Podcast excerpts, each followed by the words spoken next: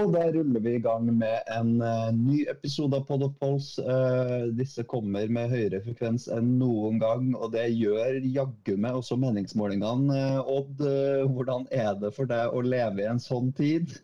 Er det ikke deilig, si. nei, det er jo, altså Nå er det jo så mange innimellom at man kan jo nesten bli litt altså Selv om du elsker meningsmålinger, så kan det nesten bli litt mye.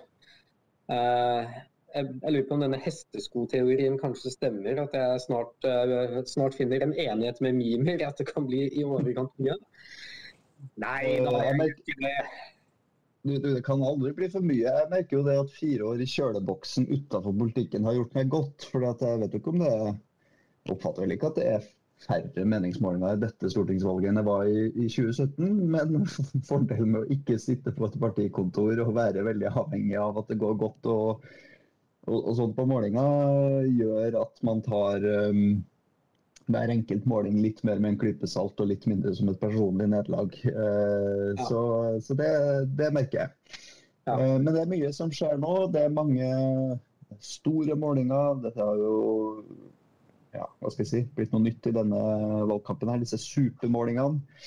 Eh, I går kom det en supermåling fra NRK, en stor måling eh, som også er brutt ned på, eh, på fylkesplan. Eh, så det skjer masse spennende. Eh, men altså, er det noe vits å ha en podkastepisode nå? Vi, vi, var jo på siste uke òg. Har det endra seg nå?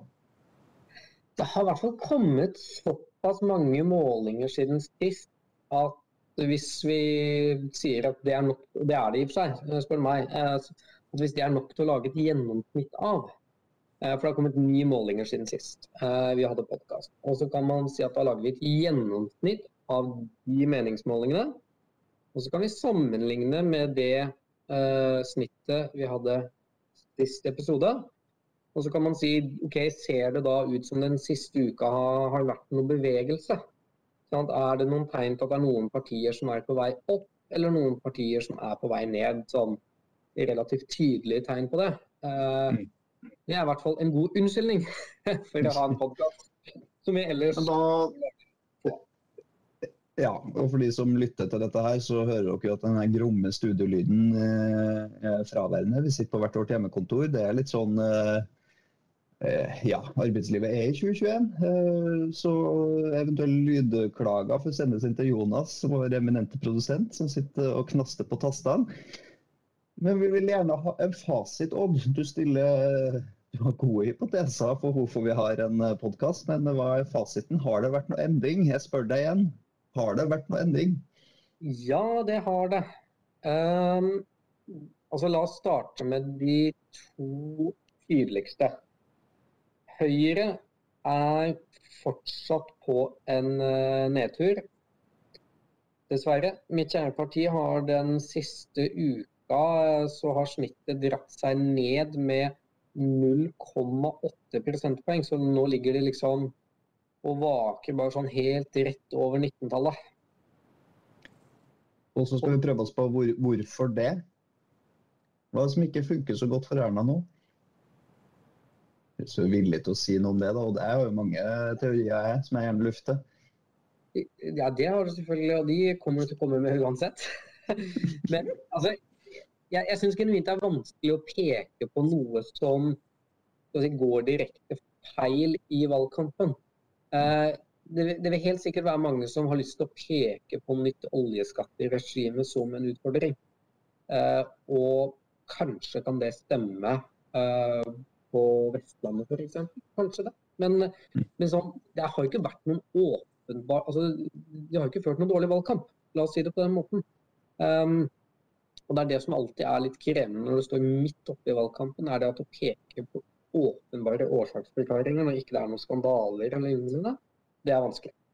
Mm. Men til min trøst, da, og øh, kanskje til din, så er det et parti som øh, ser ut til å gjøre det Altså ha, en, ha et større problem i innspurten av valgkampen, og det er MDG. Mm. Fordi den siste uka så har de snittet deres dratt seg ned med 0,9. Og det vil si at da er de på, hvis du tar utgangspunkt i målingene da, altså fra med TV 2 2.9. til og med Norstat 9.9. Eh, og har de et snitt på 4,7. Men det er jo fint over sperregrensa, det. Bortsett fra at MDG i hvert fall historisk sett har en tendens til å gjøre det en god del dårligere på valgdagen enn på målingene. Så jeg vil si at nå, det, nå burde varsellampene blinke litt uh, hos MDG. Ja, vi har jo en del sånne hypoteser og teorier om, om, hvordan parti skal gjøre det opp mot valgdagen. Altså den gamle hypotesen som vel uh, ikke holdt stikk ved sist stortingsvalg, var typ, eh, når disse store partiene setter i gang valgkampmaskineriet sitt, eh, typ Arbeiderpartiet, eh, og girer det opp imot sluttspurten av valgkamp, så, så har man en tendens til å greie å mobilisere de siste stemmene. Eh, og tilsvarende da, ikke sant. Vi har sett Rødt har vært over sperregrensa før. MDG har vært over sperregrensa før, og før et valg. Men så holder liksom ikke helt inn til mål. Uh, dette valget så vil jeg jo da tørre å påstå at det ser ut som Rødt skal over sperregrensa. Ja, det syns jeg det ser ut som. De, de, er, de går svakt opp siste uka. Ligger nå på 5,6 på de målingene vi har sett på i dag. Så Rødt eh, de skal ha veldig uflaks, vil jeg si. Eh, da skal de ha ekstremt mange illojale velgere, altså folk som ikke gidder, som ikke gidder å stille opp uh, utenom når det blir ringt på telefon, uh, hvis dette skal gå galt. Men grunnen til at jeg nevnte dem, at det kan være positivt for Støre om, eller deg, da, om MDG skulle glippe, er at da øker sannsynligheten for et flertall mellom SV, Senterpartiet og Ap. Og det trengs. Fordi Ap, som du sa, ikke sant, flinke på mobilisering på slutten og sånn, men Ap ligger helt stabilt. Det er ikke tegn til bevegelse. Mm. Så til tross for enkeltmålinger hvor partiet gjør det bra, så er det ikke noe trend eh, som peker en tydelig retning på at nå er det vind i seilene og full, eh, full trøkk? Ingenting å, ingenting å spore. Um, det som kan, altså Senterpartiet og Frp er de to eneste partiene ja, sorry, uh, og KrF, faktisk. Mm. Ser ut til å ha litt vind i seilene siste uka nå. Mm. Og det, og det, altså, og det synes jeg, Vi har jo snakka mye om altså Frp har på en måte vært i siget hele tiden. Senterpartiet har muligens rett og slett klart å bremse fallet ordentlig og snudd det til en bitte liten medgang eh, på slutten. Men KrF det syns jeg er litt overraskende, for de har jo vært, de har ligget helt platt hele tida. Men uh, nå ser det ut som de men hever seg litt på slutten. Utfordringen er at KrF er også et parti som ofte kan gjøre det litt dårligere på valgdagen enn målingene. Mm. Og snittet er på 4,1, så det er jo ikke akkurat sikkert, for å si det forsiktig. Men alle som har fulgt med litt i media i det siste, og det har fått med seg at uh, det, har ikke, det har ikke vært uh, uh, bare enkelt for KrF-leder Killingolf Ropstad heller. Er det, dette liksom en sånn man slutter rekkene bak partilederen rett før et valg, eller hva, hva, hva, kan, hva kan det være som løfter KrF her? Du sa jo dette her med at ja, det er liksom vanskelig å forklare et partis tilbakegang i fravær av skandaler og at ting går galt. Noen vil jo påpeke at det gikk jo ikke så bra for Kjell Ingolf med denne boligsaken og gutterommet nede hos mor og far på Sørlandet. Nei. Eh, men nå kom det jo en lokal måling eh, som, hvor de gjorde det veldig godt, i særlig Vest-Agder. Det er klart, kanskje får du litt den effekten om at de slutter opp om sin eh, hva skal jeg si, hjemfylking. Kanskje de er litt mer sydlandske og kontinentale der nede i Agder-fylkene. At det å bo hjemme hos mor og far er en uh, hyggelig ting. Hvem vet? Dere burde gjøre det lengre. Ellers kan det være så enkelt som at KrF faktisk har lært seg å eh, hva skal jeg si, målrette budskapene ordentlig. Det vil si at sant, du har et veldig spesifikt segment som du skal snakke til. Og så kan treffer du de gjennom de rette kanalene. Og det er ikke nødt til å være massemedia. Det viktigste er at du får frem et budskap som har gehør til eh, målgruppa di. Og at det er det som har løfta det. Altså rett og slett good groundwork. Som uh, tenkes å være det som uh, slår til. Så Det er ofte undervurdert. Folkens der ute som hører på den podkasten, som står på stand og som er med aktivt for sitt parti og driver valgkamp, fortsett med det. Det har effekt, og det kan funke. Eh, se bare på KrF som greier å løfte seg til tross for, for mye støy i riksmedia rundt eh, partilederen på gutteværelset. Ja. Men eh, da har vi liksom hva, vi, vi, var innom Venstre sist. Eh, podkast av frykt for eh, represalier, så orker jeg ikke å, å, å legge på noen morsomme lydklipp i denne omtalen. Men, men, hvordan gjør Venstre det? Nei, Venstre siger uh, sakte, men sikkert videre oppover. Og Snittet siste uka er faktisk på 4,8. Så det kan man jo si at begynner å lukte fisk for et parti som eller fugl. Hva var det, hva var det, hva var det Iselin Nybø sa i et eller annet intervju? Det var jækla morsomt. Det var noe sånt som at uh, hvis, hvis, du ble plaga av tanken på sperregrensa, uh, eller nervøs av tanken på sperregrensa, så var ikke Venstre partiet for deg. Det er vel helt riktig, men uh, vi får gjenta det vi sa sist, at dette kan jo bli en historisk bragd for, for partiet Venstre å trosse sperregrensa så mange ganger på rad eh, ved valg. Så vi, vi, tar med oss den den gangen her. Og vi har, vi har snakka så mye stygt om Venstre i denne podkasten, Odd, at det, det fortjener de. Men, men, vi ligger jo an til potensielt sett ganske fascinerende valgkveld, må jeg si. Det vil være jubelkveld for Rødt nesten uansett. Uh, fordi de kommer over sperregrensa. Det kan fort bli en jubelkveld for MDG. Men det kan også bli nedtur. Om de under, så er det åpenbart nedtur. Uh, SV ligger det garantert an til å bli en jubelkveld for. Ap vil juble fordi at uh, de kommer på statsministeren. Og Senterpartiet kan jo på sett De spinner seg til jubel. Ja, men de ligger jo litt over 2017 uansett, ikke sant. Så det er mm. Du får et pluss uh, foran. Men men om ikke jubel, så kan det jo hende at uh, det blir god stemning og latter.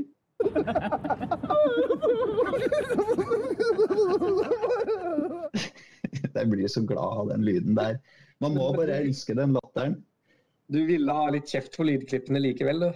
Jo, men her altså Ikke sånn at Lars Vangen kommer til å ringe og kjefte for dette her, vel? Har Lars Vangen ringa og kjefta noen gang? Nei, altså, jeg tenker liksom, eh, Hvis strategien eh, ved inngangen til den intensive valgkampen var å framstille Trygve som en streng statsmann, så lyktes ikke den strategien så veldig godt. Så, så nå gjør vi det, Lars, hvis du hører på. Sjansen er jo, som alle andre der ute, er veldig liten.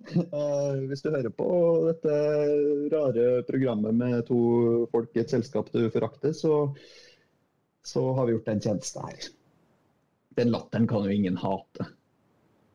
Nei, det er... det, stemmer det, er ikke sånn at den lokker velgere til stemmelokalene nødvendigvis, men, eh, men eh, kan bli god stemning på Senterpartiets valgvake. Frp da, de er vel også ganske fornøyd om dagen? Det har jo sett mørkere ut for Frp enn det gjør nå? Jo, altså til tross for at de kommer til å havne under valgresultatet fra 2017, så gjør de det jo mye bedre enn hva partiet eh, sannsynligvis innbilte seg at de kom til å få til eh, for relativt kort eh, stund siden. Uh, med mindre da, de, de, har hørt på denne podkasten, som jo har vært litt opptatt av å fortelle dem at det ser egentlig bedre på målingene enn hva medieoppslagene har gitt inntrykk av. Uh, Frp har jo faktisk uh, liksom hatt et sakte sig hele veien, og så ser det ut som de får til en fin sluttspurt. Ja. Det, det, gjør jo det gjør at det er, og KrF, da, hvis de klarer sperregrensa, så er de fornøyd. ikke sant? Det, det, er på en måte ett parti som helt åpenbart uh, ligger an til å kanskje kunne få den vanskeligste jobben med å spinne dette til noe positivt. Uh, og det er jo mitt, uh, mitt kjære parti. skulle de havne under 20 og miste statsministeren, så er det vanskelig å finne lyspunktene. Det må man jo kunne si. Så du kan få en valgkveld potensielt med bare vinnere og Høyre? Ja.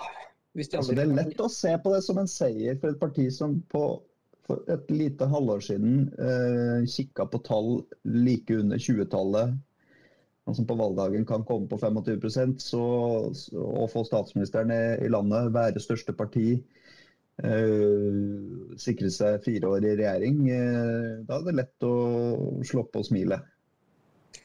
Det er det jo definitivt. Eh, men jeg, altså jeg tipper at strategene i Ap kommer til å være vel så opptatt av sperregrensa eh, på alle de andre partiene eh, på valgkvelden. Fordi det avgjør i realiteten om Jonas kan få den flertallsregjeringa som gjør at han kan styre på den måten han har mest lyst til, og sikkert kanskje planlagt mest for. Eller om han havner i en ikke sant? Og ja, det second beste alternativ for han, hvis KrF skulle gå under sperregrensa, og Jonas fortsatt ikke har flertall med Senterpartiet og SV. Så det er jo du bedre egnet til å si noe om enn uh, meg, litt sånn uhilda, Stian. Men det er jo mildt sagt ikke en drømmesituasjon. For hvordan skal du kunne forene Rødt og Senterpartiet, eller MDG, da, i noen kompromisser som gjør at Senterpartiet over tid ikke går lei og begynner å lure på om kanskje er et samarbeid på borgerlig side ikke så verst, det heller. Mm. Det er det, det, vi har vært inne på før, at eh, noen her eh, noen er enklere å slippe løs i Stortinget enn andre.